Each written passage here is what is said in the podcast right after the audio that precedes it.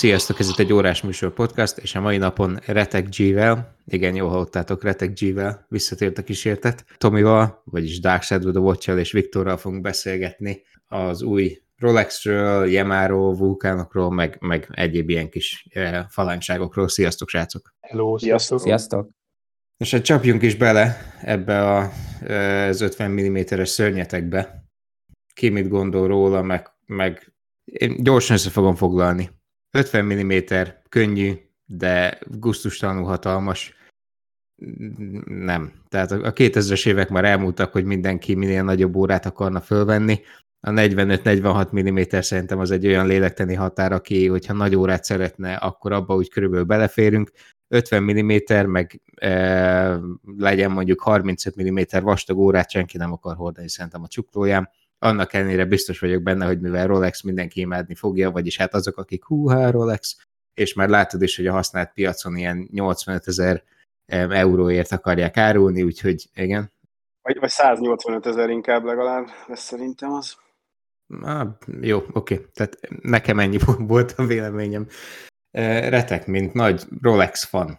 Ezt próbáld már meg velünk megértetni, hogy ez mi is, és hogy hogy is, és akkor ez most mi, mi van? Hát nem, az a baj, hogy teljesen fordítva jöttük a lovon, tehát ez nem, nem egy óra, ami azért van, hogy hordjad, meg viseljed. Nem, hát ez egy, ez egy technikai demonstráció. Ezt meg kellett neki csinálni. Meg Tök jó, tegyék be a múzeumba. Van egy előélete. De nem, de hát ugye meg kell csinálni úgy, hogy legyen egy, amit nem értek, hogy például a Titán tokozás, amitől eddig ugye nagyon távol tartotta magát a Rolex, és, és én mondjuk annyiból értettem, hogy teljesen más azért a, nem, nem hiába könnyű egy titánóra, emiatt egy kicsit olyan súlytalan is, amikor viseled. Tehát egy luxus órától én legalábbis elvárom, hogy, hogy érezd, hogy a kezeden van. Ugye nyilván ez egy nemes óránál, egy platinánál sokkal extrémebben jön, meg sokkal határozottabb, de azért egy acélnál is mondjuk egy szemmel, most pont egy szemmel van a kezemen, 41 millis, ugye ez is már nagyobb, vastagabb, engem ez amúgy, ez egy milli kurvára zavart, amikor ugye behozták, és hát nem mondom, hogy most is meg, tehát nekem a 40-es szab, az a, nekem az a klasszikus, az igazi. Tehát ehhez képest nekem a 41 is nagy is, nyilván akkor az 50 is az ugye agybetegül nagy, de ugye ez nem azért van, hogy hord, hanem hogy a Rolex megmutassa, hogy tud ilyet is.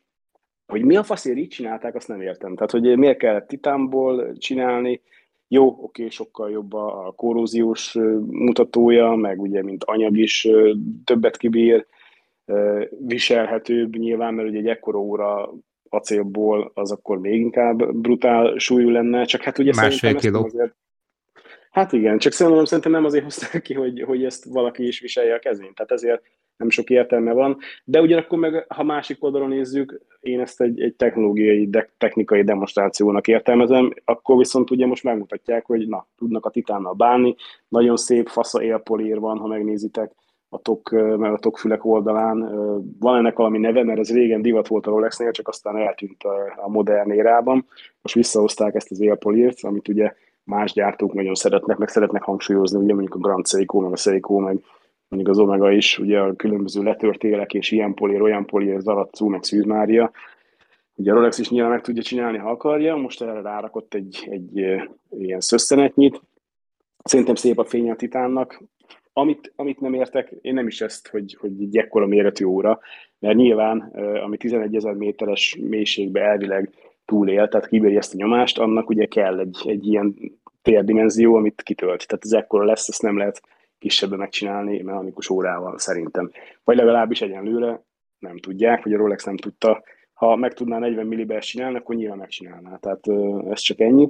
Hanem, hogy miért itt ezt bemutatni. Tehát ugye november elsőjén, harmadikán, nem hiszem pontosan, tehát ugye ott a Halloween környékén egyszer csak felkerült a honlapra, megjelent ugye a, a egyórás blogon is, szerintem talán pont Viktor, ugye ő írta a cikket, nagyon ügyesen, nagyon gyorsan, nagyon jó cikket faszán megkente, feltette aznap, hogy megjelent, de ugye nemzetközi oldalakon is megjelent, de csak ennyi. És az óra már kint van egyébként a hivatalos kereskedőknél, nyilván mondjuk a Pestinél nem hiszem, hogy van, de a kiemelt partnereknél ugye ott van, mert ugye az Instagramon már fent vannak, meg össze-vissza közösségi médiában képek, ahol a valódi óra, a valódi emberek kezén ott figyel, rajta van a árcédula, minden. Nagyon furcsa. Nekem, nekem ez a rész furcsa. Tehát nem az óra furcsa, hanem, hanem a tálalás. az megint ilyen kicsit Rolexes, hogy csak így előhúztuk a kalapból november 1-én. De egyébként nézd, ezzel meg nekem valami szinte az a véleményem, hogy a Rolex ugye ezt már csinált egy ideje, tehát nekik ezek a, a kísérletek megvoltak, hogy minél mélyebbre, és csinálták azokat az órákat, amiket nem eladásra, tehát nem a köznépnek, hanem úgy, oké, okay, akkor csináljuk meg, és akkor nézzük meg, hogy akkor ez, ez, ez tényleg megy, és ez eddig meg is volt tök jó, és ezek a darabok utána bekerültek a múzeumba, csináltak róla képeket, jó, nem adták el, járkálta a sajtó, tök jó minden, Hát, és ugye valaki úgy döntött, hogy ez jó ötlet. Ugye a Rolexnél ott azért ritkán vannak ilyen adhok gondolatok, de most elmögött egy kicsit én azt érzem, mintha ez, ez úgy így jött volna az elmúlt egy-másfél évben. Tehát mintha, mintha ilyen ötletelés eredménye lenne, hogy na jó, akkor, akkor legyen már titán, meg legyen egy ilyen brutális búváróra, ugye az Omega valami nagyon hasonlót mutogatott évelején, ha jól emlékszem, igen. Ugye ott van, van még egy olyan is, ami a 15 ezer méteres mélységgel bóckodik, tehát ugye nem. Az ezen a bolygón sajnos nem fog menni. Vagy hát akkor kell egy nagyon hosszú fúró, és akkor még a Mariska árkat egy kicsit mélyíteni, mert, mert egy kis kanál, tehát egy nonsens, de ugye az is nyilván ilyen technológiai villongás szerintem. Olyan, mintha erre lenne reakció, csak ugye a Rolex-től ezt eddig soha nem láttuk, meg hát ugye a pletyka azt terjeszti, hogy náluk öt évre előre be van programozva minden, hogy mi fog kijönni, és mikor, és hogy milyen menetrendben mutatják be az újdonságokat. Tehát nekem ezért fura ez egy kicsit. Ha ez egy programozott dolog volt, akkor nem tudom, biztos tudják, mit csinálnak. Továbbra sem értem, hogy, hogy miért és miért ilyen formában van szükség Titán, Rolexre, de most lett. Igazából ennyi. ennyi. Tehát mondom, egy villantás. Azért sem értem, érzem én azt, hogy ez egy olyan órának szánják, amit, amit tényleg valaki, tehát hogy hordanának az emberek, mert nagyon fura, hogy már ott van a boltokban. Tehát, hogy, hogy mintha minden áron meg akarnák mutatni. És ugye húsvér órát a húsvér embereknek is. Mert ugye azért, ha visszaemlékszünk, most a balkezes, na ugye egyébként arra rímel, mert az is egy elég furcsa dolog, ez a kitekert balkezes, a zöld fekete lunettás GMT Master 2, de ugye annak idején, mikor egy pár éve a Pepsi kijött, utána a Batman kijött, tehát az újdonságoknál azért egy, egy nagyjából egy fél év mindig eltelik, amíg hivatalos kereskedésben lát belőle darabot, és akkor ugye valakinek a kezén ott lesz. Mert oké, okay, amikor ugye bemutatják, mit tudom én, mi van most, Watches and Wonders, van ugye évelején, meg előtte a Basel World, amikor bemutatták az újdonságokat, akkor ott helyben persze az újdonságból mindig van egy, más nem egy dummy. De, de hogy most ez így, felkerül a honlapra, és már rá egy héttel van itt belőle fizikailag a butikokban, az furcsa. Nekem ez a furcsa. De úgy meg hát, na, nyilván nem szép, most kinek mi tetszik. Én nem érzem ezt akkor a Isten káromolásnak igazán. Értelme nincs. Tehát ez persze. Sokan kérdezték, hogy mi értelme van. Semmi. Ez, ez annyi értelme, hogy a Rolex megmutatta, hogy ilyet is ö, sorozat gyártott kiadásban meg tud titánnal dolgozni, ha akar. Hát ez Ennyi. inkább több kérdés vett föl bennem, mint választ. Még Na, ez lehet, is. hogy lehet, hogy igaz. Mert, mert egyébként figyelj, még a, még a Maxi Case, még arra is azt mondom, hogy ott ugye, amikor kijöttek a 41 mm-essel, azt mm. én azt nem bántam, hogy őszinte legyek, annak ellenére, hogy én a, a 40 millisből még a, a Maxi Case előtti ugye vintage vintage, ja. mutatjuk ezt a 2010, mikor jött ki a Maxi kész? 10? 9? Uh, a körül valahogy, nem? Hát, valahol ott, igen, én is Hát igen, valahogy ott, igen. Hát 2011-12-ben már az volt, az biztos. Tehát, tehát előtte valahogy, igen. Lehet, hogy 9, nekem... lehet, hogy 2006, most meg nem mondom így hirtelen. Akkor maradjunk úgy, hogy a 2000-es évek elején, mielőtt még kijöttek volna a maxi késze, az a 40 mm-es tok, nekem az, az, az talán a kedvencem a szabok közül, mert amúgy sem szerettem, sőt a Seamaster 300-nál is ugye nagyon sokszor mondtam, hogy én jobban örültem még ugye a, a, a kisebb Seamasternek, ami mm. még ugye a 25.00-es szerkezettel volt, mert utána elindultak ugye ez az egyre nagyobb és nagyobb, de nem annyival, hogy 5 mm-rel vagy valami, hanem csak ilyen 1 mm-ek, de a toknál a 40 mm meg a 40 mm között is nagyon sok különbség volt, amikor kijöttek ugye a maxi késszel, teljesen másként érezted az órát a csuklódon. Itt, jó, tehát itt, itt igazából relatív, itt nem tudunk ilyenről beszélni, mert de egyébként, egyébként bocs, hogy szabadul állok, de te nagyon jól tudod, hogy milyen egy 50 mm-es órát a csuklódra venni, mert ugye, ha visszaemlékszünk, nem olyan régen, amikor találkoztunk, ugye volt nálam egy Jacob Co. asztronómia, ami pont 50 mm-es, és 25 milli vastag, ugye, és az nálad is volt utána, és ugye te is felpróbáltad, és még azt is mondtad, hogy te hordanád.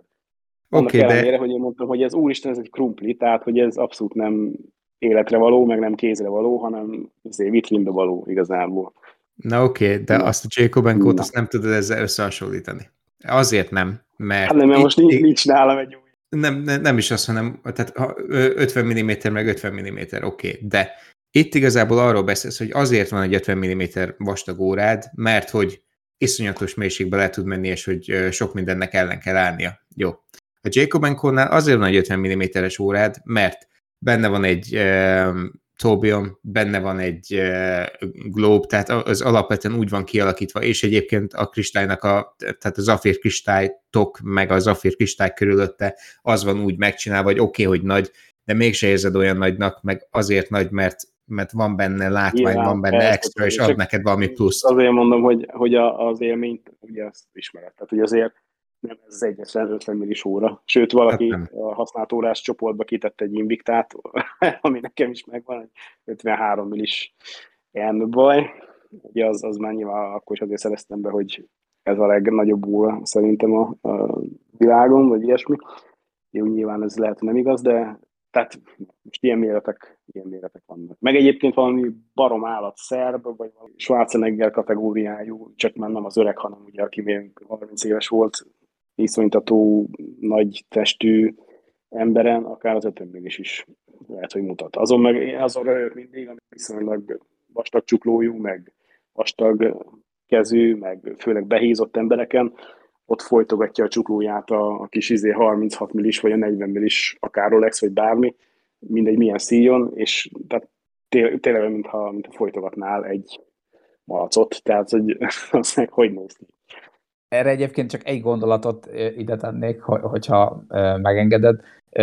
Nem tudom, néztétek a mafiózók sorozatot, ahol a, a főszereplőn egy 36-os arany day van, ami a standard mafia óra, és hát a csávó egy ilyen hatalmas hegyomlás, nem tudom hány kilós lett, de hogy tényleg egy ilyen nagy mackó, és mégis a 36-os arany day az úgy áll rajta, hogy tényleg akárhányszor Ugye a sorozatban végig rajta van, és én végignéztem minden nem tudom hány évadot, de akárhányszor láttam őt ebbe az órában, mindig azt mondtam, hogy ú, hát ez így, ez így tök perfekt, és ez így tök jól áll rajta.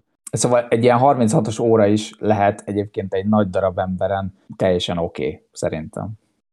Persze, de egyébként ugye ez is úgy működik, hogy attól még, hogy valaki nagy darab, a csuklója az lehet, hogy amúgy, hát ez nagyon becsapós, mert, mert nagyon sok ember, ez a klasszik csirkeláb megoldás, hogy ugye aki alkatra igazából nem, tehát nem egy testépítő alkat, de hát ugye ismerjük a különböző segéd eszközöket, anyagokat, ugye amiket beszurkál, meg edz, meg, meg jó leszik, meg stb. és ugye kigyúrja magát, mint egy barom, de valahogy a lábnak mindig kimarad, vagy hát inkább ugye amúgy genetika van mögötte, hogy hát egy, egy olyan alkatú ember, ha megbassza az anyját, akkor már bocsánat, tehát hogyha mindent megtesz, akkor se fog tudni egyszerűen normális uh, márdit vagy combot növeszteni magának, mert, mert nem az az alkat, és ugye várdiban nem szúrhatja a tesztót.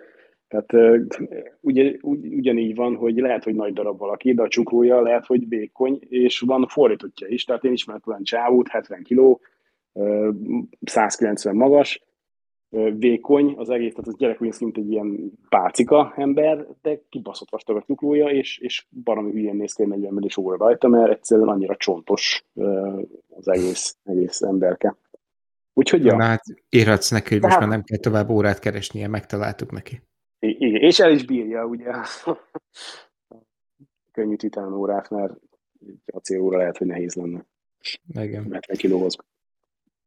Tomi, neked úgy unblock mi a véleményed, véleményed egyébként erről a, a Deep Sea challenge De én, én, én megnéztem róla így kb. amik így kijöttek, meg, meg megnéztem ezt a fantasztikus videót. Nekem igazából ez az egész sztori, ez, ez így tetszik. Szóval az, hogy, az, hogy James Cameron, és akkor levitték, és akkor még a videóban az is benne van, hogy még akkor megnézi, hogy akkor jár a, a, másodperc mutató, amikor leértek, most nem tudom, hogy ez mennyire kamu, vagy mennyire nem, de hogy tök jó volt ezt a videót így megnézni. Nyilván itt a, a, a régi órára is egy valamilyen szintű utalás van, ez, a, ugye ez az 1960-as uh, sztori, uh, meg tök jó volt, hogy amikor följöttek, akkor ott volt a, ez a Don Walsh nevű csávó, és akkor gratulált, meg stb. Szóval ez, ez a része nekem ez, ez tökre tetszik. Uh, itt, itt, ahogy már az előbb is volt róla szó, ez, ez, ez, ez igazából csak mutassuk meg, hogy lehet ilyen órát csinálni, tehát ezt, ezt nagyjából én is így látom. El tudok képzelni mondjuk olyan asztaltársaságot, ahol mondjuk azon megy a, a, a nem tudom, a, a beszélgetés, hogy kinek vízállóbb az órája, és ott mondjuk van olyan ember, akit mondjuk megérint az, hogy, az, hogy mondjuk ez 11 ezer méterig vízálló. Nem hiszem, hogy ilyen asztaltársaságoknál én szeretnék ülni, de el tudom képzelni hogy egyébként, hogy van ilyen. Meg egyébként volt ugye a James Cameronos, ez a kék színű számlapos ilyen Deep Sea Challenge óra, ami ilyen 2000, nem tudom, 14, vagy valahol ott, pont most láttam egyet, ez 14-es éppen, hogy az mondjuk 3900 méter, hát nem tudom, hogy akinek ez nem elég, az, az, az mit csinál, de hogy nyilván hülyén néz ki, meg, meg itt, ahogy már a, az előbb is volt szó erről, hogy, hogy titán, az, az, az nekem nem annyira, tehát nekem egy ilyen óra az, az legyen acél, még akkor is, hogyha nem tudom, fél kiló nehéz lenne. Összességében tök jó, hogy van ilyen, meg, meg, meg, meg jó az, hogy a Rolex csinál olyan dolgokat, ami, ami nem feltétlen csak az, hogy egy millimétert ide teszünk, majd elvesszük, majd egy, egy nagyon picit reszelünk itt, egy nagyon kicsit ott, tehát hogy egy, egy csinálnak olyan dolgokat is, ami egy kicsit úgy, úgy nem tudom, ilyen hype csinál, vagy ilyen, vagy ilyen érzelmeket vált ki, mondjuk így. E, e, ez egyébként jó, de én sem látom magam előtt azt, hogy, az, hogy mondjuk ezt valaki épésszel fogja és megveszi, nem tudom, most azt hiszem 27 ezer euróért ezt az órát, és akkor fölveszi egy nem tudom mihez, Szóval ezt én sem nagyon látom így magam előtt. Meg egyébként a Deep Sea, amihez hasonlítottad, az teljesen hordható. Tehát Igen, rajt, mert rajtam is volt olyan pár hétig. Igen, de hát azt még, azt még tudod is hordani. Tehát rajtam is volt pár hétig nekem, oké, okay, nem a legkönnyebb óra, de nem olyan, hogy ne lehessen vele mindennapokban ellenni. Tehát én teljesen hát, jól egy, egyébként szerintem ez is hordható lesz. Erzső Balázs cukrász séfhaverom kint van pont a Conor McGregornál Írországban, az is egy nagy óragyűjtő alatt. Az sem nagy darab ember, de ugye az is ilyeneket. Tehát például neki is van mondjuk Jacob Co. asztronómiája. Ugye ő is az ilyen őrültségeket szereti és hordja, és azért a sztárok közül, aki, hát mondjuk ahhoz meg igazából mondjuk olcsó. Egy Panerájt, egy mondjuk nem tudom, a 47 millist, és ahhoz hozzáadjuk ugye a, a koronavédő hidat, hát az is van simán ekkora baromi véretű, vagy a nem tudom, a 48 millis üblók a nyomógombokkal, az se kisebb. És ugye ezeket hordják. Tehát ez most csak a, hogy mondjam, a földhöz ragadt, vagy az átlag szemmel, vagy a, mondjuk az átlag Rolex gyűjtő szemmel, a 40-41 millivel nézve extrém vagy furcsa, de úgy az úgy egyébként egy, egy rétegnek, meg, meg ez teljesen normális. De nem hiszem úgy, hogy nekik, tehát én ezt továbbra sem gondolom, hogy most a Rolex itt izé, új gangsterleki órát akarta elkészíteni, hanem hát egyszerűen csak, mint ti is mondtátok, hogy ez egy ilyen technológiai demonstráció. Miért most húzták elő?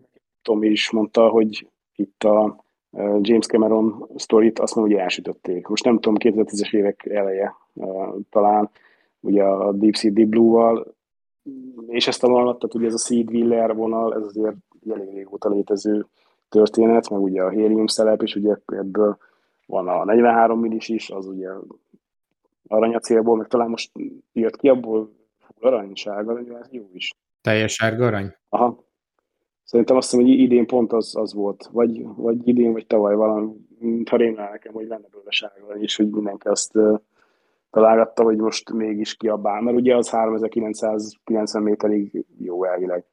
Tehát, hogy 4000 méteres mélységbe arany órában mégis ki a bánat merül. Ilyen bimetal jött ki belőle. Tehát úgy, úgy mint ahogy a, a Szábon is tudod, hogy a linknek a középsője arany. Tehát az. Hát most, hogy itt nézegetem a Rolexnek a weboldalon, nem találok teli arany, csak... Akkor, akkor nem tudom, mivel, mivel akkor lehet a Tudor keveredett össze a fejemben. Na mindegy, de tehát, hogy ugye ez a vonal, ez megvan. Meg ugye ez a James Cameron féle Deep Sea Deep Blue, az ugye csak annyiban különbözik, hogy ez a színátmenetes fekete-kék színváltós számlap, meg ugye kék lunetta hozzá, ugye az is frissült most talán egy-két éve. Ugye bekapta az új szerkezetet, ott is ott meg ugye a, a, a csatot meg növelték, mert ugye meg volt a 44-ből is tok, és hozzá meg egy arányaiban vékony szíj. És nekem az tökre tetszett, mert attól, én állítom, hogy most a kezemben van 41-es sub, ez ugye ez a legújabb Submariner, ennek, ennek már ilyen, hogy ilyen, vagy tufa, vagy minek nevezzem, tehát ilyen buta az, túl vastag a szíja, túl, ugye a csat, túl vastag az ár. Tehát nekem elvesztette azt a kifinomultságát, amit a, ezzel korábbi, vagy egyel korábbi 40 millis Rolex nyújtott. Azzal együtt, hogy ugye az is egy szerszám, tehát egy, egy watch, ugye, in English, de mégis volt benne egy olyan kifinomult érzet, ami nekem fura az Omega Seamaster, meg az összes többi hasonló, és még A kategóriában is szinte hasonló sztori fölé emelte. Ez a 41 millis, ez meg pont szintre lett nekem. Na, Én egyébként arra lennék nagyon-nagyon kíváncsi, hogy nyilván az, hogy kimegy le ilyen mélységbe ez az órával, nyilván senki. De hogy mondjuk azok az órák, amin van hélium szelep, hogy mondjuk azt, aki eddig ever vett ilyen órát, hogy abból hány ember használta ténylegesen ezt a funkciót, hogy nem tudom, hányan üldögéltek ilyen búvárharangba, és, és, és ott, tehát ahol ez kellett ez a dolog. Tehát erre, erre mondjuk nagyon kíváncsi lennék. De ha manuálisra gondolsz, akkor én már egyszer kicsavartam az enyémet. Pioneerként. De, de, de olyan harangban? Tehát merülő harang? Dehogy is. Na azért mondom, hogy hát kicsavarni már én is csavartam ki, még hélium szelepet is, de... De, hát de tudod, mennyire menőnek éreztem magam? Helyzetben. Úgy voltam hát, vele, hogy ah, most, most tagja vagyok annak az egy százaléknak, aki, aki ezt valaha megtette. Ez, ez egyébként körülbelül hasonló, mint hogyha mint mondjuk, hogyha van egy GMT-s órád, és mondjuk elmész Angliába, és akkor egyel vissza tudod állítani, és akkor hú, ez már tök jó, akkor már tudod használni a, a GMT funkciót, ez nagyjából hasonló. Igen, a mai világban ugye ennek nincs, nincs jelentősége, mobiltelefon, meg, meg harcórák, meg mindenhol óra van. Régebben a GMT-nek is lehetett, meg ugye a hélium szelep, pont, ha jól emlékszem, Rolex talán meg 60-as évek, vagy 70-es évek volt. Szerintem 60, nincs csak. Hú, most nem, nem, tudom, nem tudom én sem biztosan, de, de biztos, én, hogy Rolex én, fejlesztés. Valami 66-ra rémlik, de mindegy, ez semmit nem jelent, mert nekem de az, az az időszak, és akkor ugye akkor használták. Tehát a kutatóbúvárok, ugye, akik különböző, hát mindenfélét csinálnak, jelent a vízben, ezer dolgot, amit nem is gondolunk meg, a hadászati is. Tehát, tehát nyilván ez, ez nem a polgári búvárkodás, meg nem a, nem a bóckodás, meg nem a nem tudom. Persze, nyilván csak tök jó lenne, hogyha ha lenne, egy, ha lenne egy ilyen adat, ami, ami megmondja azt, hogy, az, az, hogy hányan. Manapság, manapság senki. Tehát szerintem ma, meg ugye igazából mindenki. Hát akik, akik most is nyilván vannak ilyen profi búvárok is merülnek, de hát az, az már nem is órát, hanem egy speciális erre fejlesztett műszereket használnak. Ha még van is rajta egy óra, az nyilván egy, egy G-sok lesz egyébként. Tehát, Én egyébként kérdeztem most az elmúlt e, az elmúlt, nem tudom, másfél évben volt szerencsém kettőször merülni ilyen nyilván ilyen teljesen amatőr szinten, de mind a kétszer, amikor ugye volt mellettem profi búvároktató, és mind a kétszer megkérdeztem, hogy, hogy mit hordanak, vagy általában a búvárok mit hordanak, és egyébként nyilván ezeket a kalkulátort, ezeket az ilyen búvár kompjútereket használják, Igen. amivel így megtervezik az egész merülést, hol, mikor, hány méter, stb. de egyébként az egyik őjük mondta, hogy, hogy ismernek egy öreg fickót, vagy ismer egy, egy, egy öreg bárt, aki, aki használ ugyanilyen kompjúter, de hogy a másik kezén viszont analóg búvárórát hord, nem tudta megmondani hogy pontosan miért, de hogy, hogy, hogy neki ez a kettősség még így megvan, hogy akkor van egy digitális órája is, meg, meg van, egy, van egy teljesen ilyen, mondjuk az hagyományos analóg acélórája is. Amúgy lehet, hogy aki olyan helyzetben merül, vagy nagyon profi, vagy csak mert öreg, ahogy te is mondod ezt a sztorit, az lehet, hogy így, így viseli. Ugye most nekem az Apollo, nem tudom, 13, vagy még volt a Tom Hanks-es film, meg a Omega Snoopy kaland, hogy a mechanikus óra Igen. mentette meg állítólag, állítólag ott nagyon aláhúzom, az állítólag ott az űrhajósok életét, ugye, tehát Hát, mert, mert elment az áram, és... Igen. Hát igen, csak tehát, hogy, hogy nem tudom. Tehát, nekem ez egy kicsit ilyen, ilyen túl, túl filmszerű, túl hollywoodi történet, de jó legyen, de ha az igaz, és úgy történt, akkor valóban, és ugye egy ilyen helyzet, hasonló helyzet előfordulhat bárhol, bármikor, akár extrém, akár normál körülmények közt is, hogy, hogy egyszerűen az elemes elektromos kütyű az, az tönkre megy, és ugye az nem tudsz mit csinálni, és akkor elvileg a mechanikus meg megbízhatóbb, de hát azért ez is vitatható, hogy megbízhatóbb, ez tény, hogy ugye arra úgy olyan közvetlen nem hat olyan, mit tudom én, most jön egy, egy olyan elektromágneses impulzus, vagy bármi mágneses erőtér, ami kiüti az elektromos kütyűt, mert azoknak ugye azért így lehet ártani. A mechanikusnak meg nyilván annak se segít, de a működését nem szünteti meg teljesen, vagy ha egy pillanatra meg is áll, akkor majd folytatja. Tehát mégis ilyen, ilyen szempontból lehet, lehet létjogosultsága egyébként. De én is úgy hiszem meg, hogy te is mondod, hogy tehát ezeket a, ezeket a kis, kis műszereket, ezeket a komputereket használják, ami, ami direkt kifejezte nekik a búvároknak. Igen, tehát szerintem, szerintem is funkciója van, hogy ez a Hédémis kép, ez ebből talán a Rolex meg a Seiko jött fel a legjobb ötletekkel, ugye a Seiko csinál ilyen monoblok tokokat, ami alapvetően olyan tok, ami nem engedi be a héliumot, hogy bemenjen a tokba, tehát ergo nem kell, hogy kiengedje. Elé mennek a problémának. És utána meg maradt két verzió, ugye a manuális, amit az Omega Seamaster használ, tehát hogy ugye ki kell tekerni, csak hát ez nem tudom, hogy alapvetően tényleg azt, azt úgy mégis hányan, meg miért is meg ugye amit a, a Rolex csinált, az az, amikor ugye magában az órában megnő a nyomás, akkor ez a kis automata rendszer ez pont annyira kinyílik, hogy kiengedje a nyomást, és kész. És ugyanúgy vízálló marad az óra, mert, mert tényleg csak a nyomást engedi ki belülről, és nem enged semmit be. Még Viktor, még tőled annyit kérdeznék, hogy neked egyébként egy első benyomás mi volt ez az órával kapcsolatban? Először az volt mindenképpen, hogy uh, egyrészt a wow, másrésztről, hogy, hogy olyan úgy, nekem az volt az első gondolatom, hogy ez nem illik bele egy Rolex palettába semmilyen szempontból, tehát nem, nem, ez nem egy biztonságos húzás, az biztos, tehát ez 50 milli titán nem tudom, tehát nem, ez nem, nem Rolex-es. Minden esetre van, és igazából nagyjából mindenkivel egyetértek, mármint ami így a, a, a, azt, hogy nem szép, meg hogy fölösleges, meg hogy senkinek nem fog nagyon kelleni, ezekkel értek inkább egyet. De nekem csak két észrevételem van, az egyik az anyag, hogy szerintem itt a Titán az nem feltétlen amiatt lett választva, mert hogy hú, de meg akarták mutatni, hogy milyen jól csinálunk Titánt, hanem amit olvastam én is több cikkben, meg, meg amit én nagyjából bele is fogalmaztam én is ugye a, az egyórás.hu-n olvasható verzióban, hogy, hogy azért az acélból ez valami brutál nehéz lenne. Tehát ha nem volna szerintem egy fél kiló, akkor egy sem. És csak így ilyen, az ilyen rumorként olvastam valamelyik kommentben éppen, hogy de, de, de el tudom képzelni, hogy ez így, hogy titán, ez így most 225 gram. Tehát olyan nehéz, mint egy hagyományos acélóra titánként. Tehát, hogy ez szerintem nem, nem azért lett titán, mert hogy mi nagyon jók vagyunk és hogy megmutatjuk, hanem mert egyszerűen röhelyes, pőzőröhely tárgya lett volna, hogyha ez acélból van.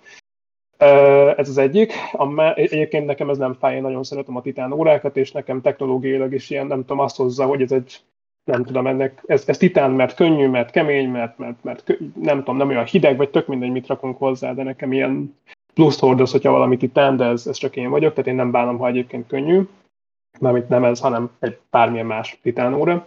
A másik meg az a, az a megjelenés, hogy, hogy így kicsit ilyen fű alatt történt, ha talán ez így mindegyet értünk, hogy nem volt nagy csinnadratta körülötte, hogy hú, most mekkora ászak vagyunk, hogy ezt kiosztuk. Nekem ez, ez kicsit azt az érzést sugalja így a, a megjelenés körül, hogy talán a, mintha, mintha a Rolex se bízott volna ebben annyira, hogy ez most ennek egy nagy csinodrattát fogunk csinálni. Tehát mintha egy kicsit azt akarták, hogy jó, így fű alatt, és akkor majd így, majd így kikerül, és, hogy, és akkor talán, ha nagyon gáznak érzik, nem lesz olyan gáz, tehát mint egy kicsit így a szűnyeg alá akarták volna söpörni, nekem ez az érzésem így ezzel a, ezzel a nagyon lájtos ilyen kis ki, kiadással kapcsolatban, hogy egy, egy hagyományos, mit tudom én, november 1-én így kirakjuk az oldalra is kész. Tehát sem, semmi nem volt úgy nagyon körülötte, nyilván utána mindenki észrevette, fölkapta, de, de hogy semmilyen nagy különleges, hogy, hogy, hogy már előre mondtuk hat héttel, hogy fú, lesz egy ilyen bejelentés, és hú, de király lesz, ilyen nem volt, nekem, nekem ezt az érzés sugalja, de, de ez csak így, csak így egy, egy gondolat. Hát 50 mm-re nehéz nem észrevenni.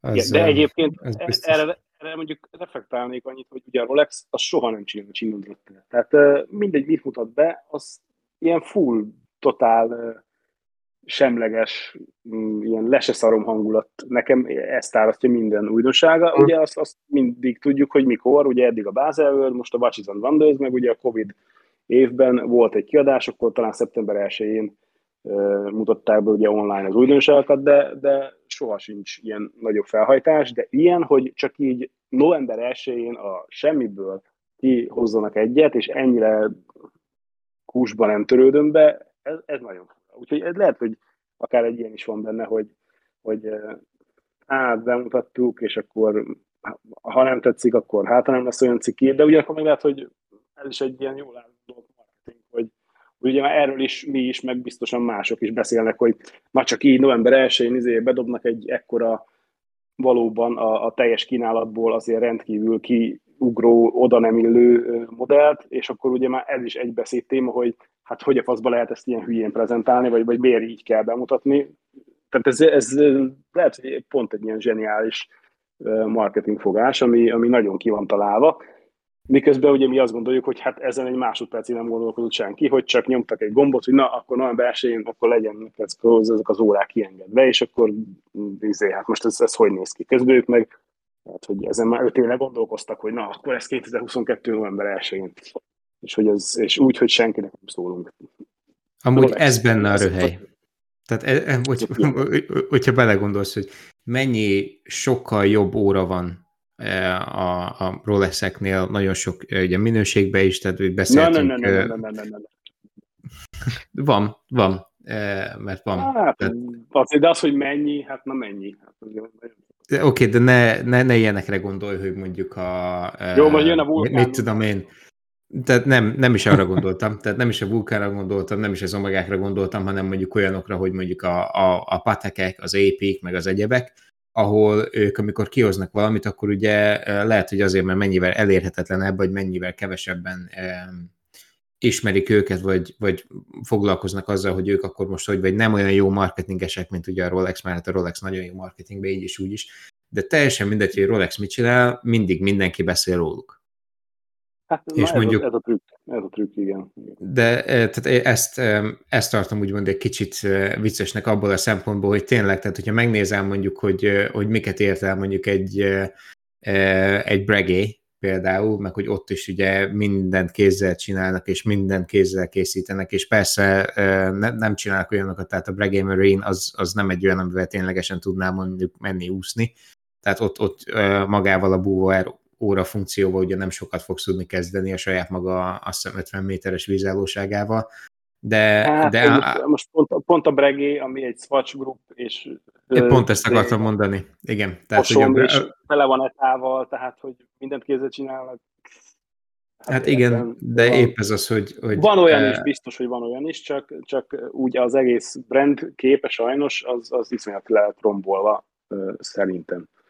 Igen, Mára. de ez, ez meg ugye a csoport, tehát hogy, hogy az, hogy a, a Swatch Group, vagy Persze, az LVMH, vagy valami, igen, tehát azzal meg ugye sokat nem tudsz csinálni, tehát ez az, hogy az LVMH is kb. három részre szedte a, a úgymond nagyobb óráit, tehát oda, ők, ők csináltak egy ubló, zenit, meg tagot, és ők majd hogy nem azt, ugyanazt a hasonló stílus megpróbálják leadni három különböző árkategóriába, tehát ott... Mik ez elég, elég gáz szerintem. Tehát, hogy, hogy most már a Zenit is übló, meg az übló is Zenit, meg a takójel is az szeretne lenni, csak valóban van egy 700 egy két-három millió forintig, meg egy millió forintig ott sztori, ami egyre jobban úgy néz ki. Ha nem ugyanúgy néz ki, akkor valami foson mintás zenit másolat lesz, ugye a 60-as évek vagy 70-es években kihúztunk valami szart, találtunk egy rajzot a fiókba, és azt megcsináljuk újra, mert hű de jó, vagy lemásoljuk mondjuk a Rolex Daytonát, ugye, és akkor ettől lesz a zenit, annyira zenit, tehát na, mindegy.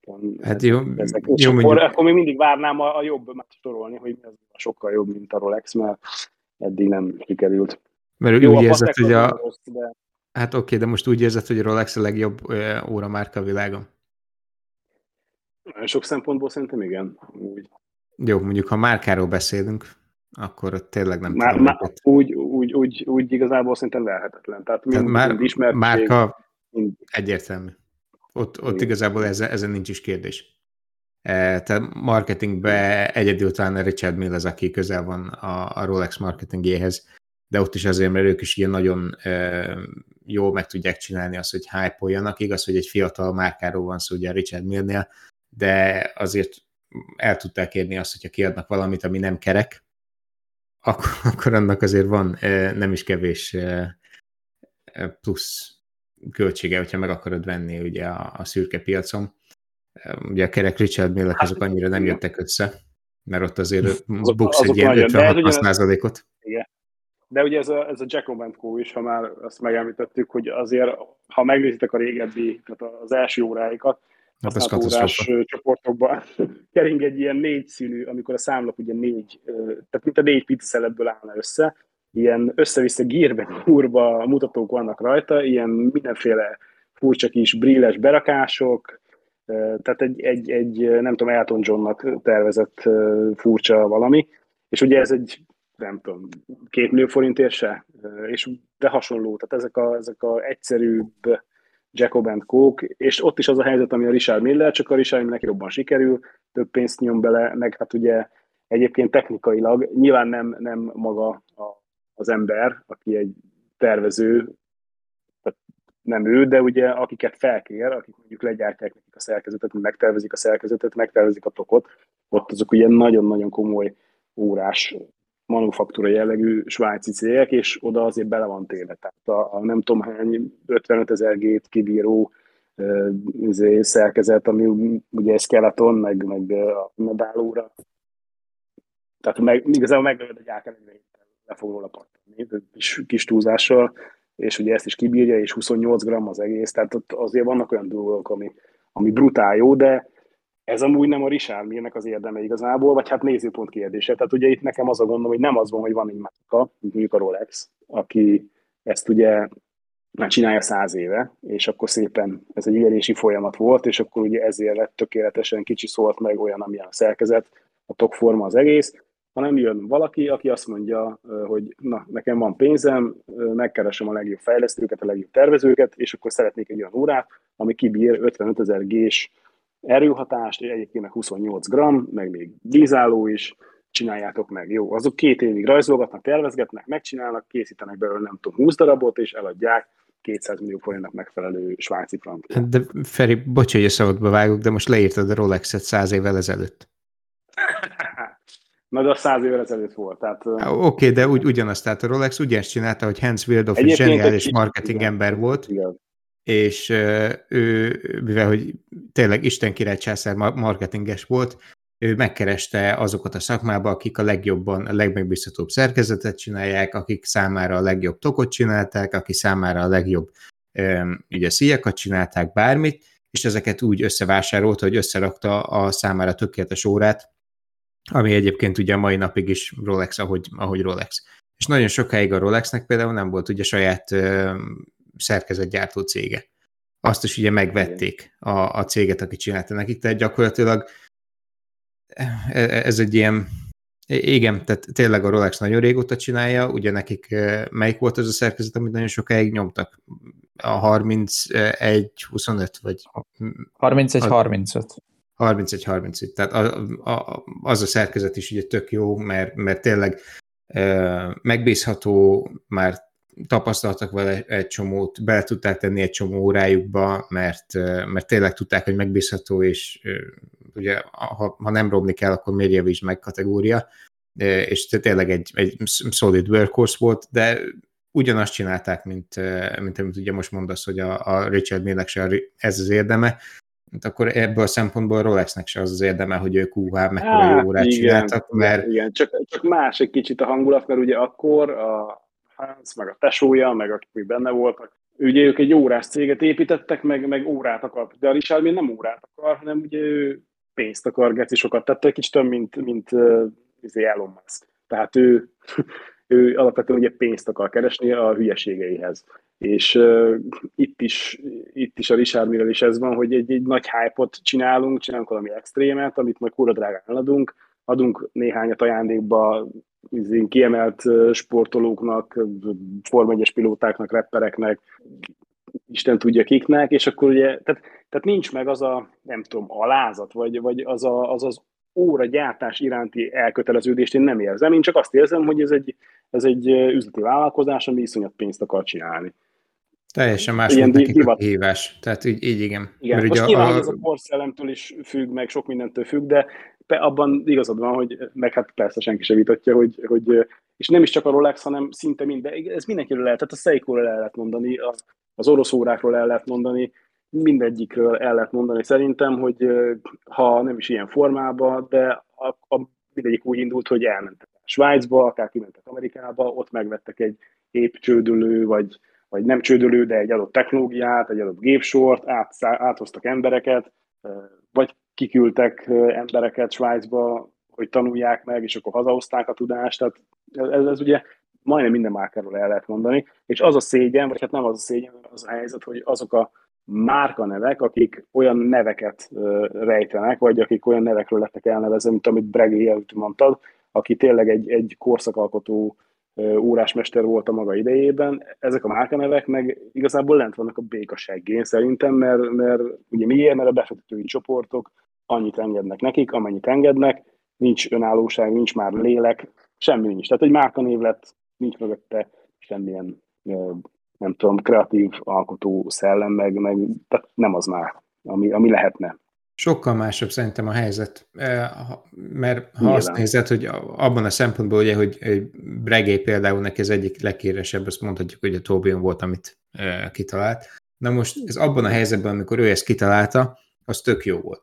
Miért? Az órák pontatlanok voltak, perceket késtek naponta, vagy siettek, tehát nem tudták annyira pontosan beállítani őket, hogy megbízhatók legyenek, és abban az időben nem volt telefon, amihez nyúljanak, tehát ott, ott tényleg fontos volt az, hogy pontos legyen a, az óra.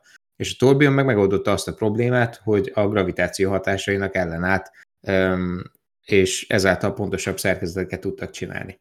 Tök jó, de ma már erre úgymond nincs szükség mert, mert Én ma már pont azt érzem, hogy lenne.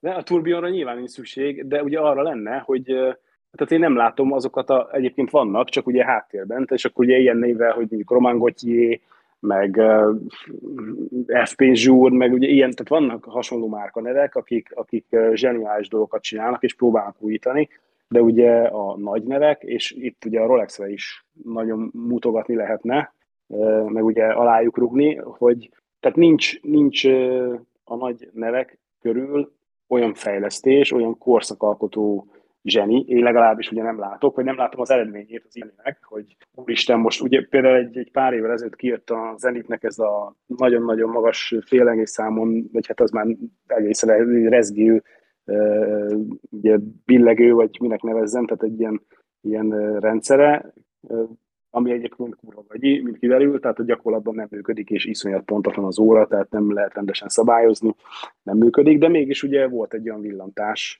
tehát ezeket csak ugye olyan megoldásként, ami tényleg hozzáad egy mechanikus órához, és tényleg előre viszi, és tényleg mondjuk elérni azt a pontosságot, amit mondjuk tud a Spring Drive-val a Grand Seiko, csak ugye hát az sem mechanikus. Tehát, vagy, vagy olyan, ami, amit én ugye nem is tudok kitalálni, mert nyilván nem mester, csak hasonló korszakos találmányok, vitások, mint ami a Tourbillon volt a maga idejébe.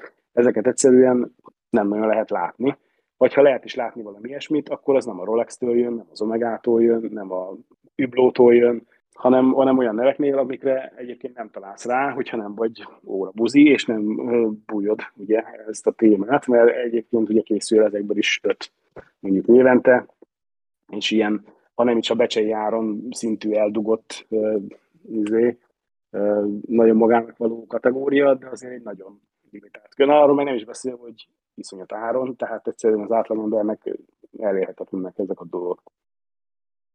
Talán de azért mindegy. volt másabb régen, mert ott egy olyan problémára kerestek megoldást, ami sok mindenkinek a problémája volt. Tehát ott kellett az, hogy pontosabb legyen az óra, ott kellett az, hogy mondjuk tudjon benne úszni, mert másra nem tudott lemenni, mert nem voltak komputerek, tehát ott kellett, hogy vízálló legyen. Ott kellett, a, kellett az, hogy időt tudjon vele mérni, és ugye így a kronográfok. Ott kellett az, hogy mondjuk több időzónát tudjon egyszerre nézni, nem feltétlenül kellett, de egy olyan problémát oldott meg, ami nagyon sok mindenkinek segített. Viszont manapság ezeket, vagy ezekre a problémákra megoldást találtak, ezért egy olyan problémát keresni, ami mindenkinek a, a problémája, de nem tudnak róla, az nehéz. És talán ezért van az, hogy ezek a márkák már nem újítanak be annyit, mint régebben, meg ezek az órások nem újítanak be annyit, mint régebben, mert az, ami a, a többségnek a problémája volt ezek az órákkal kapcsolatban, vagy amire a többség erre használni szerette volna, azt megtették. És ilyen szempontból, ha azt nézzük, a modernkor legnagyobb újítása az az okos óra volt mert gyakorlatilag azzal csinálták meg azt a hasonló újítást, eh, amit mondjuk régen a Rolex, hogy kellett egy, kellett egy vízálló óra, mert az akkori órák nem voltak vízárók, nem tudtak vele vízbe menni.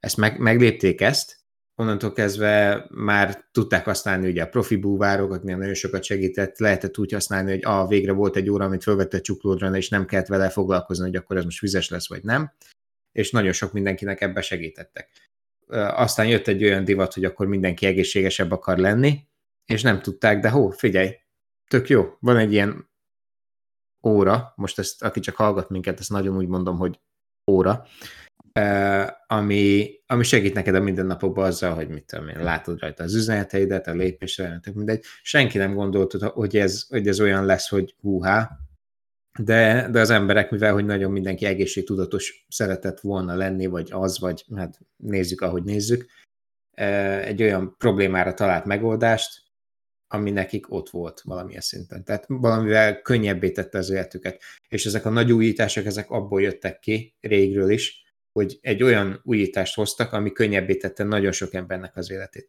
Tehát ez az, ami a mostani mechanikus óráktól kellene, hogy egy olyan újítást hozzanak be, ahhoz, hogy tényleg úgy tudjuk emlegetni, mint régen a, a Tolbiont vagy a vízállótokot, hogy egy olyan problémát oldjanak meg, ami mindenkinek az életét könnyebbé tenni. Én egyetértek veled egyébként, szerintem ez tökre így van, hogy, hogy a, a mai gyártók, meg a, a mostani márkáknak az, hogy e, ilyen új feladatot keressenek, azt szerintem egy iszonyat nagy gondjuk lehet.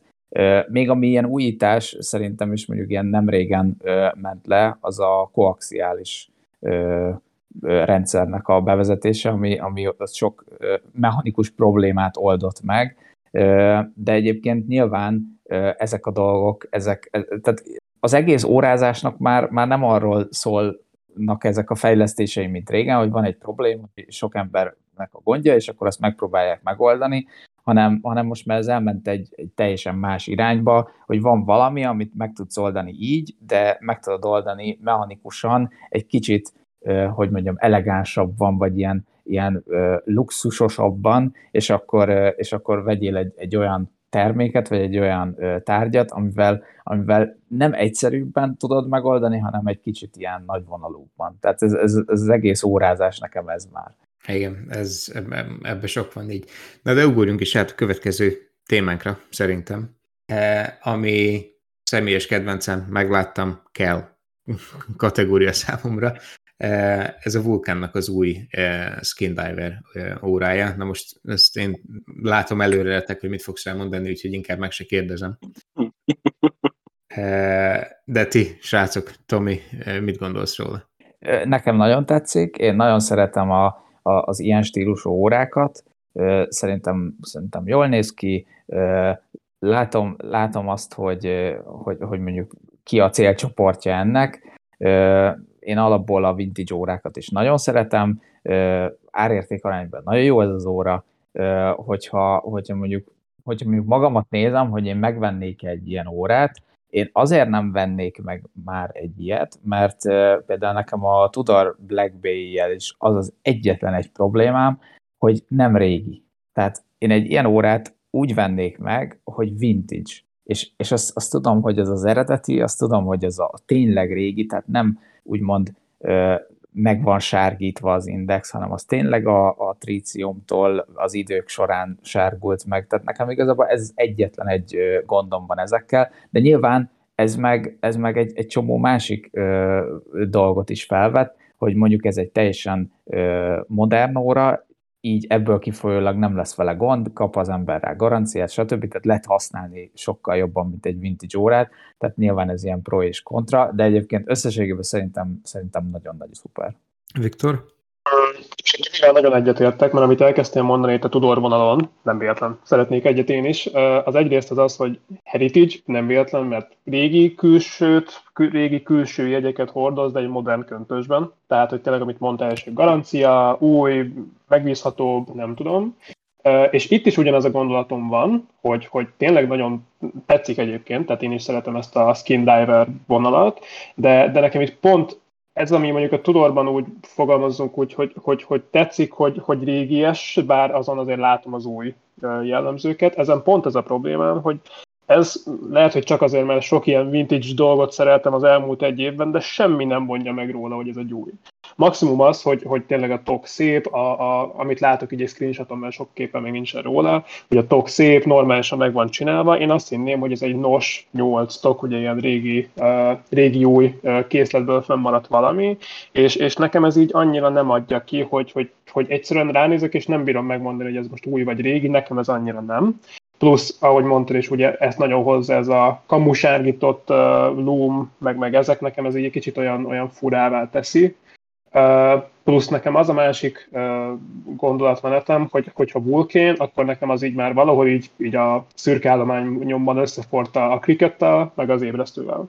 És hogyha én most vulként vennék, akkor én csak azért vennék vulként, hogy csörögön ébreszem, mert az a menő, az, a, az fort össze egybe ezzel a márkanével és most így, hogy kihoztak egy olyan skin divert, amit, amit mondjuk megkapni Oriszéknál, megkapni egészen sok más márkánál, ráadásul, ráadásul elég jó filmszíjjal, valamivel olcsóbban is talán, így nekem kicsit olyan, olyan no-go zónnál teszi ezt a dolgot.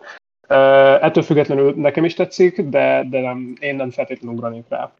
Így, így röviden ennyi. Hát én megláttam, és mivel Viktor ugye mondtad, hogy a, a, a cricket, hát azon már túl vagyok, úgyhogy a, a, az Ultimate Vulcan az itt van.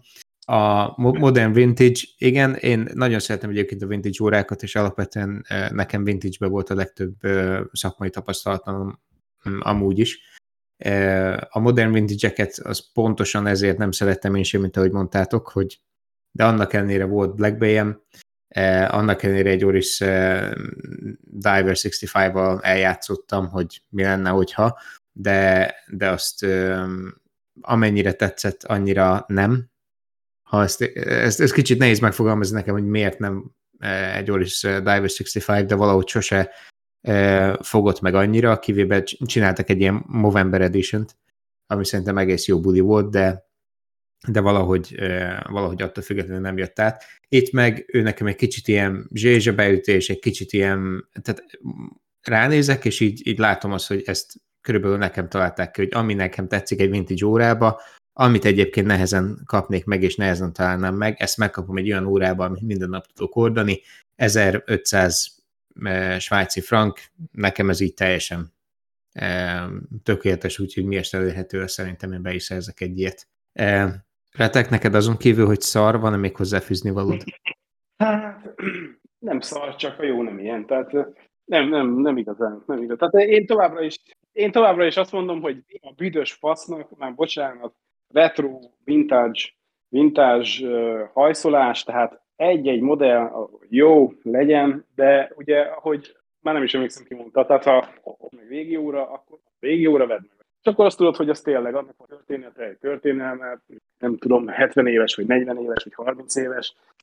Buvár azért ságult meg a index, mert, mert ugye eltelt az idő, nem tudom. Tehát nekem ez egyáltalán, én ezt teljesen feleslegesnek érzem. Azon kívül, hogy persze pénzt termel a cégnek, mert valamiért az emberek ezt szeretik, és, és megveszik, és ugye fogy. És ezért gyártja az Oris, ezért önti a Zenit, meg az összes gyártó. De Hát nem, sajnos nekem. Hát, ha ide adnád ajándékba, akkor persze, akkor köszi, csinálnék róla vagy két fotót, és kétszer felvenném, de egyébként nem a szekrénybe. Vagy valaki. Hát egyszerűen nem, nem az én, nem az én világom sehogy sem. Én nem mondom, hogy csúnya, csak egyszerűen Na ez így tök jó, Akány, ahányan vagyunk, annyi különböző véleményű, úgyhogy ez az óra, ez nekem így... Komolyan, ez, ez komolyan inkább akkor a múlt, pedig, pedig hát az se egyszerű, de na. Egyébként megvan valahol az, tehát igen, a modern vintage az egy ilyen érdekes történet, mert vintage-nél általában az a helyzet, hogy vagy nem találsz, vagy ha találsz, akkor nagyon szar állapotban van, és iszonyatosan nehéz jó alapot tud találni, főleg nagyobb márkáktól. Tehát, hogyha okay, mondjuk, de pont ez benne az érték, nem? Hogy akkor, ha viszont találsz egyet, akkor fú, az milyen fasza, hogy én abszolút nem vagyok ilyen vintage guy, de ugye van egy velem egyidős 1980-as Seiko búvárom, hát nem mondom, hogy a eredeti állapot, vagy hogy mondjam, szuper állapot, de egész jó állapot, mi működik, és minden nem túl pontos, tehát nem egy Rolex szín, de fogadjuk el, nem ezért szeretjük, én se vagyok ma olyan, mint 20 évvel ezelőtt, de, de az nekem ugye ilyen szempontból érték. De ha most egy, egy ugyanolyan órát, és amúgy azt is nyilván is voltam, szerintem szól a Seiko azóta, és adott ki újabb kiadást, de minek? Tehát, hogy nem értem. Tehát az, az ami, amit te mondasz, hogy persze nehéz megtalálni, az pont egy, egy olyat, ami, ami jól is működik, meg jó állapotban, meg uram, bocsá, eredeti alkatrészek legalább a 70-80 százaléka, mert ugye ki tudja, hogy ki mit derhet ezekkel a régebbi órákkal a 20-30-40-50-60-70 év alatt, de, de pont attól értékes, akár még az én szemembe is, hordani, viselni nem viselném, de, de értem, meg elismerem, de ennek az újrakiadása Hát amikor jobbá próbálják tenni, az, az más. De a, a modern vintage az tényleg egy ilyen kategória, hogy vagy szereted, vagy nem szereted. Tehát ezért jó, hogy e, vagyunk annyian, ahányan vagyunk, és ugye mindenkinek más a véleménye erről, mert van, akinek tényleg tetszik, van, akinek nem. Tehát nem kell órákban úgyse fog mindenki egyet érteni soha. Vagyis az hát biztos. Kevésbe.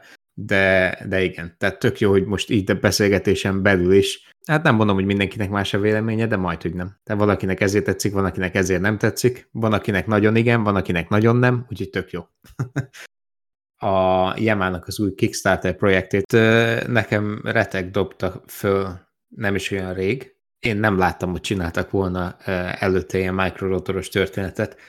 Én egyébként a mikrorotorokat imádom. Tehát azt, ugye a mikrorotornak ott van egy kicsi hátránya, hogy gyakorlatilag annak ugyanazt az energiát kellene valahogy összeszedni, mint a nagy rotornak, és ezért van az, hogy nehezebb fényből csinálják általában a mikrorotort, hogy ugyanazt a hatást el tudják vele érni, de ebbe ugye sok minden plusz is benne van, tehát a microrouter azért jó, mert így vékonyabbra tudják megcsinálni a szerkezetet, ugye nem kellene ez a plusz hely, amit egyébként egy normál rotor kapna, tehát e, ezek a, ezek a pluszok egy microroutornál, és egy microrouter, hogyha szépen van megcsinálva, akkor az, az tényleg én, én nagyon e, szeretem őket, meg nagyon tetszenek.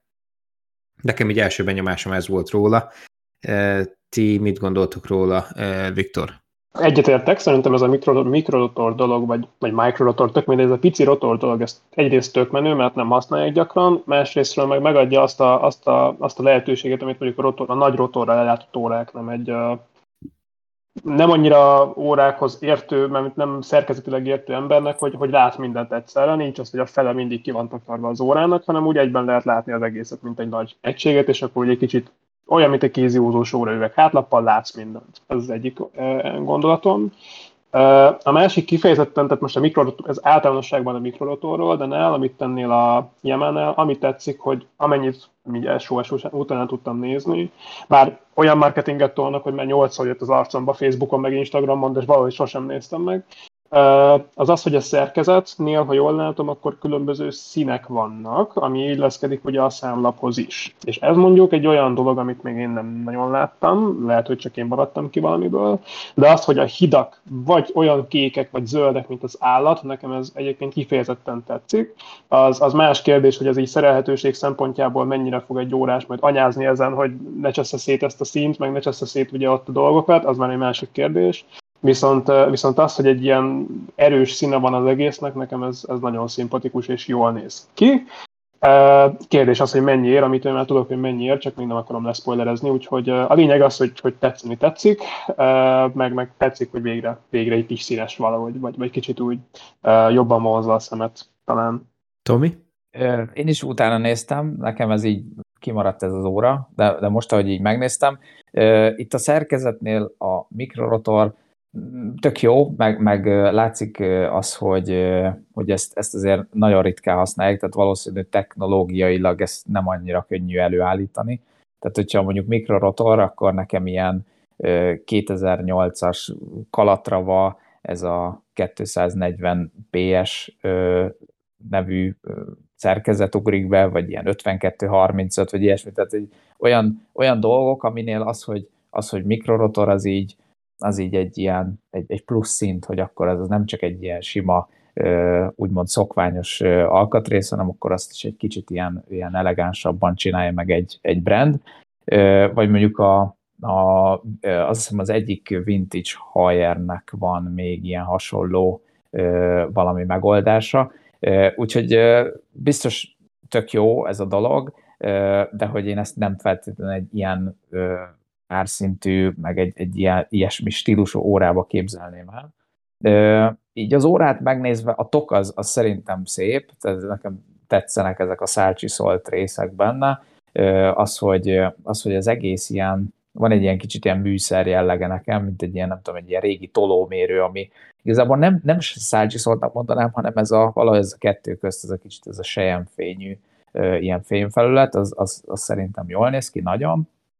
A számlap az, az egyáltalán nem tetszik, tehát az, az, hogyha közelről megnézitek ilyen, mondjuk ilyen makróképeken, ilyen nagyon-nagyon gagyinak néz ki szerintem így a, a maga a textúra, az ahogy, az, ahogy azok ki vannak így nyomva egy ilyen valamivel, szerintem az, az kifejezetten csúnya. Az, hogy hogyha mondjuk megveszem a zöldet, akkor a, a, a zöld számlap mellett ugye a szerkezeti zöld, az, az egyébként nagyon jó, meg ez egy tök jó ötlet, tehát ezt mondjuk más óráknál is el tudnám képzelni, az, hogy hogyha mondjuk van egy ilyen színes kollekció, akkor mondjuk nem muszáj mondjuk az egészet, de mondjuk egy-két alkatrész hasonló színű lenne, szerintem ez tök jó. Úgyhogy összességében nagyjából ennyi. Még, még azt láttam itt, hogy azért a Nautilusról elég sok minden át lett itt emelve, tehát itt a, a számlapnak a, a ugye ez a, ez a, ez a textúrája is ugye hasonló, akkor a mutatók is, kicsit az indexek is, úgyhogy ez, ez, ezt, meg úgy, ezt meg úgy annyira nem szoktam szeretni, amikor oké, okay, hogy a Nautilus nagyon népszerű, meg minden, de hogy találjunk már ki inkább valami olyat, ami, vagy legalább, hogyha mondjuk kölcsön veszünk egy, egy indexet, ami mondjuk hasonló, akkor, akkor tegyünk rá egy másmilyen mutatót, vagy egy másmilyen számlapot. Úgyhogy összességében ennyi. Én azt nem tudom, vagy azt kérdezném tőletek, hogy ez hogy Kickstarter projekt, tehát ezt, ezt így a, a márka hirdette meg itt, vagy, vagy hogy ezt, ezt hogy kell elképzelni, hogy ebbe beleinvestálnak most emberek pénzt, és akkor ők majd megkapják a limitált kiadású órákat, vagy hogy lesz ez? Hát valami hasonló.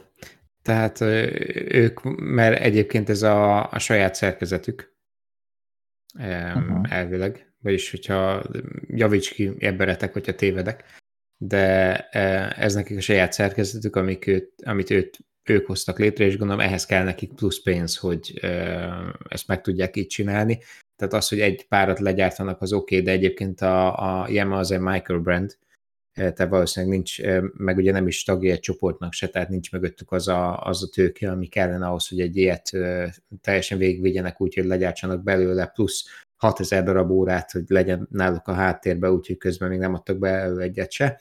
És gondolom ez, ezért fordultak a Kickstarter projekthez, hogy akkor megszerzik innen a szükséges tőkét, ami kell ahhoz, hogy ezeket legyártják, legyártsák, és akkor így a jövőben is tudnak ezzel dolgozni, mert gyakorlatilag akkor már a szerkezet az meg lesz E, és akkor azt mondjuk nem egy limitált kiadásban, hanem egy standard editionbe fogják tenni szerintem a jövőbe, de, e, de igen, de lehet egyébként látni az áron is, hogy jelenleg a Kickstarteren majd 1500 euróért lehet megkapni, de egyébként ez egy 3000 eurós óra lesz majd a, a jövőben. Ja. A Kickstarter projekt az alapvetően úgy néz ki, hogy legyártanak egy-egy prototípust, megcsinálják róluk a, a stock képeket, tehát amivel ugye a kampány menni fog, de ott azért elég sok Photoshop van benne a, a dologban, mert a, a prototípus az nem fog úgy kinézni, ami a tökéletes verzió, tehát ott még lesznek hibák, hogy nem olyan a finish, ami ennek lennie kellene, nem pont ott áll a valami, ahol kellene, hogy álljon, tehát ugye ezek azért prototípusak, tehát szerintem nem tudom, de talán mindenkinek a kezében volt már valamilyen jellegű prototípus óra, az teljesen más, mint a, uff, jó, ez túlzási teljesen más, de sokkal másabb, mint, a, mint azok az órák, amiket később eladásra fognak csinálni. De én egyébként ezt kíváncsian várom, tehát én, én mindig nyitott vagyok egy microrotor órára. Nekem a kedvencem az, és szerintem lehet, hogy nagyon sokáig az is fog maradni, a Parmesáninak a Tonda 1950-e.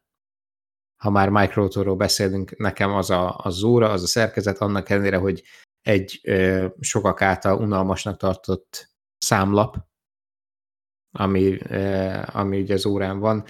Nekem, nekem az a szerkezet nagyon, mert ö, alapvetően, amikor szemben megnézed az órát, akkor úgy néz ki, mint egy, hm, oké, okay, csak egy átlagos ö, óra, semmi extra, és mihez megfordítod, tárol az a gyönyörű finish, amit a Parmesáni csinál a microrotorral, és egy wow, tehát ilyen, ilyen mind-blowing kategória, és én meg alapvetően szeretem az olyanokat, amin nem látszódik, hogy mennyibe kerül, vagy nem feltétlenül látod, hogy mennyi minden van mögötte. Tehát szerintem nagyon sok patek, és ugyanígy van, hogy a Kalatrávánál, ugye az arany Kalatráváknál ott sokkal jobban látszik, hogy igen, ez egy értékesebb óra, mert látod rajta, hogy arany, de akkor is még ugyanúgy a számlapot, hogyha tehát a számlap az alapvetően gyönyörű finish, tehát ott is látod, hogy kézzel van csinálva, de ugye ezek olyan részletek, amit akkor látsz, amikor nagyon-nagyon megnézed nagyító alatt, és mikor megfordítod a, az órát, hát az, az egy teljesen más művészet, amit, amit látsz benne, tehát nekem, én, én ezért szeretem a kalatrávákat például. Igen, mert egyébként meg egy, egy nagyon-nagyon egyszerű óra, mert ugye nincs rajta semmi olyan funkció, amit igazából ö, hiszem három mutató, ugye, a kalatra általában. És igazából még az indexek se ilyen nagyon ö, hú, de bonyolultak, szóval egy, egy tök egyszerű óra, és nyilván, ö, nyilván amikor az ember meg megnézi, akkor a szerkezet finist, akkor az, az ott meg azért vannak csodák. Nekem egy ilyen Hunters Beckham volt még jó pár éve egy ideig, Hát azt, azt, azt is nagyon imádtam. Tehát az egy 30, 36-os volt, a referencia számra nem emlékszek, de előkerítem. És ott is az volt nekem a kedvencem, amikor ugye kinyitottam a, a hátulját, és lehetett látni a szerkezetet, hogy wow, wow, wow, wow. És ez nem is volt microrotor ráadásul, tehát az, az, egy, az egy normál um, rotor volt, de nagyon bírtam. Nekem még csak úgy érdekességképp, hogyha már így a mikrorotor, nekem még talán az LUC shopper jut eszembe inkább. Előbb mondjuk így a szép mikrorotoros szerkezetekről sem, mint mondjuk mindenki más, de ez csak egy ilyen gyors kis side note. Igen, csinálnak belőlük érdekességet, az, az, az biztos. Az, az, is, az is nagyon szép, az biztos. Meg hát a sopár is, ők is tudnak komolyat, az kétségtelen meg így menet közben egy dolog fogalmazódott még meg bennem. Mondjuk nem vagyok otthon annyira a mikrorotoros szerkezetek világában, de az, az, az mindenképp meg, meg, megszúrta a szemem, hogy mikrorotor és 70 óra járást tartalék itt a Yamaha-nál. Uh, erre, erre nagyon kíváncsi lennék egyébként, hogy ez hogy mint. Erre azt írják, hogy egy ilyen nagyon modern tungsten mikrorotoros megoldás. Pontosan nem tudom, mit jelent, de azért a 70 óra eleve, de, de mikrorotoros megoldással 70 óra szerintem az kifejezetten érdekes. Hát itt az a um, fura, hogy azt hittem, hogy a tungsten az egy könnyebb fém. Nem tudom, hogy miért van benne az a téfit.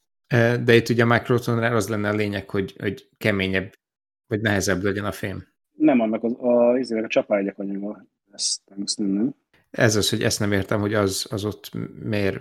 Vagy mert... ezt a, a rotorra írja, hogy a rotor van abból? Uh, úgy, úgy írja, hogy um, Enhanced Power Reserve thanks to innovating tungsten microrotor, tehát ott, a, ott ez azt sugalja, hogy a microrotor van tungstenből. Mm.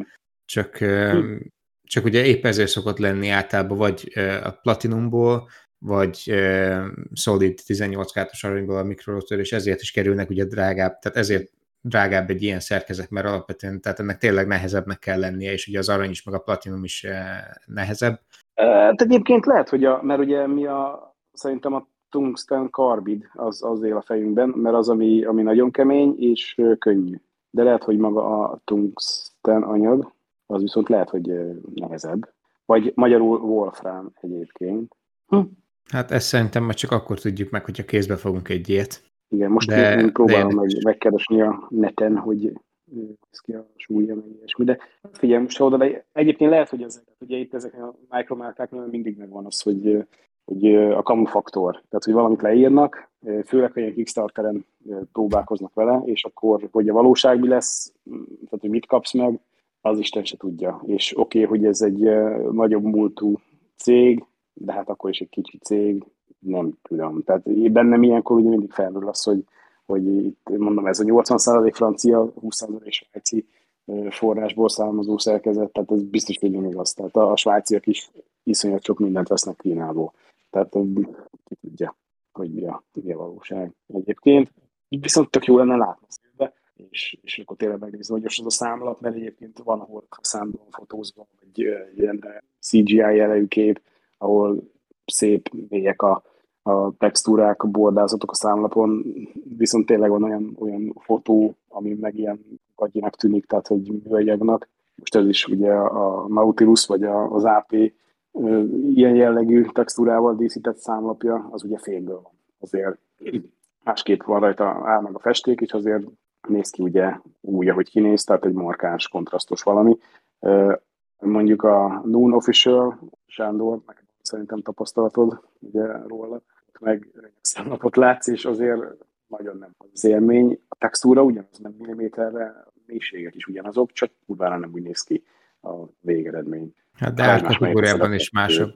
Hát tehát... nyilván, tehát persze, persze. Tehát most ez, ezért is, igen, most ezt még a 3000 euró, mondjuk azért az már nem, azért nem tudom, annyi, annyi pénzre már lehet venni többféle fotó, meg órát, de az 1500 eurós ár az se olyan vészes. Tehát nyilván nem lehet egy, egy naphoz hasonlítani, vagy egy eurójáró árban sem. Nem, de szerintem a kategórián hogy... belül, meg 1500 ért biztos, hogy ők a legolcsóbb microtor órák. Tehát, az, sőt, szerintem 3000 ér is. Az, az egyértelmű, igen. igen. Hát egyértelmű. Az, az nagyon izgalmas része. Én inkább a számlat meg a tók meg a csat.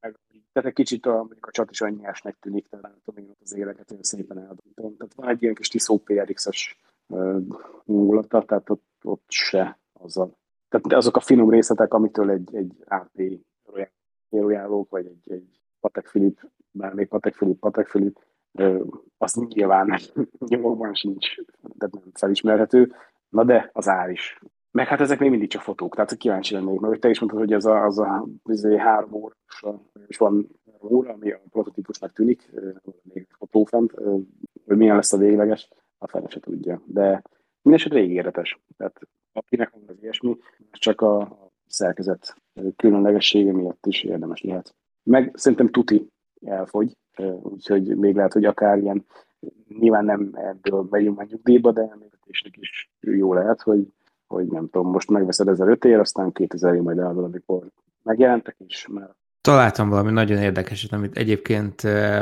már lassan el szerettem volna köszönni a mai adásba, de ezt, ezt még így muszáj fölhoznom, hogyha már így erről beszéltünk.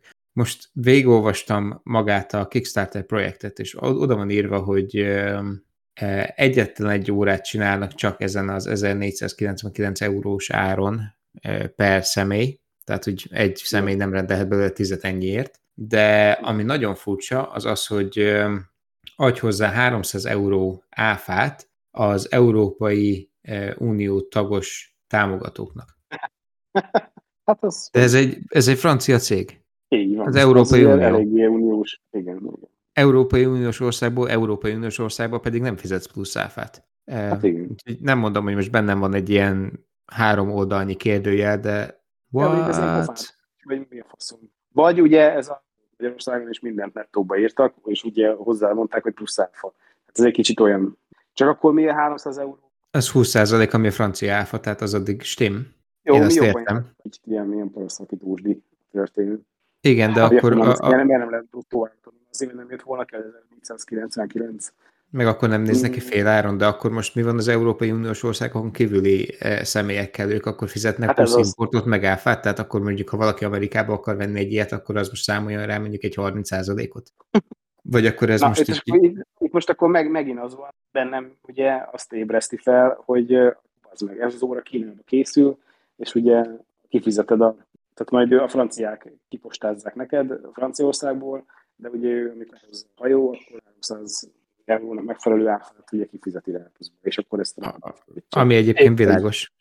Épp ezt akartam én is mondani, hogy persze, persze, EU hát belül kell, hát bocsi, kell fizetni plusz, de mert hát Kínából jön esetleg a cucc, de ez már csak egy ilyen kis kérdőjel. De, de egyébként 80%-ig francia és 20%-ban e, svájci. Na, hát ez az, hogy akkor most, akkor most mi a faszom. Talán lelkesedés francia, nem tudom, a, nem tudom mi svájci, a szerszám, a szerszámok svájciak, amivel a kínaiak legyártják. Tehát körülbelül szerintem így, így nézhet ki ez. Tehát, na, el is vetted a kedvem, faszom, na mindegy. Ez kár volt, kár volt de...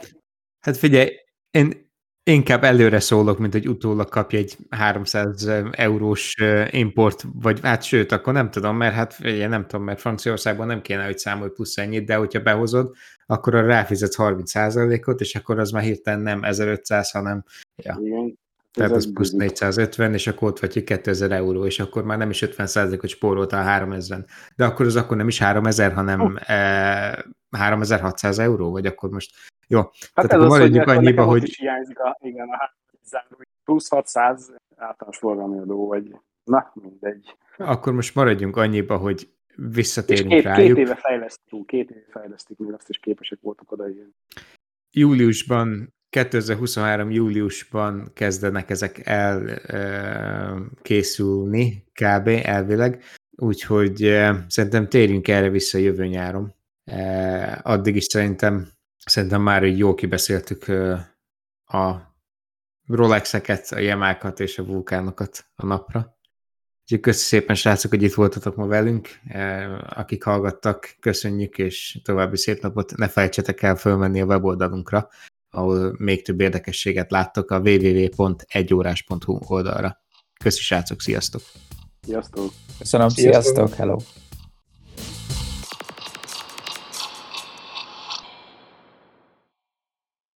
Esse a kis francia manufaktúra pakol össze 500 órát egy hónapban.